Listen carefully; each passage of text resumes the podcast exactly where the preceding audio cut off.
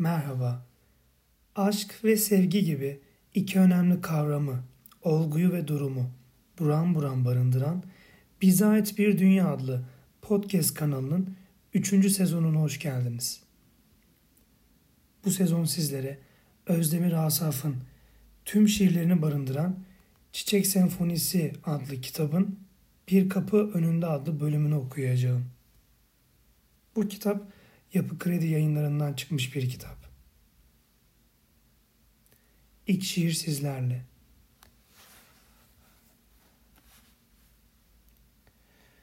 Yapışa yapışa görüyorum.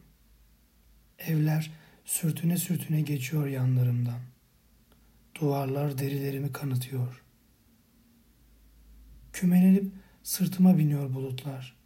Ben dimdik duruyorum yürümekli. Yol ayaklarımın altından kayıp geri gidiyor.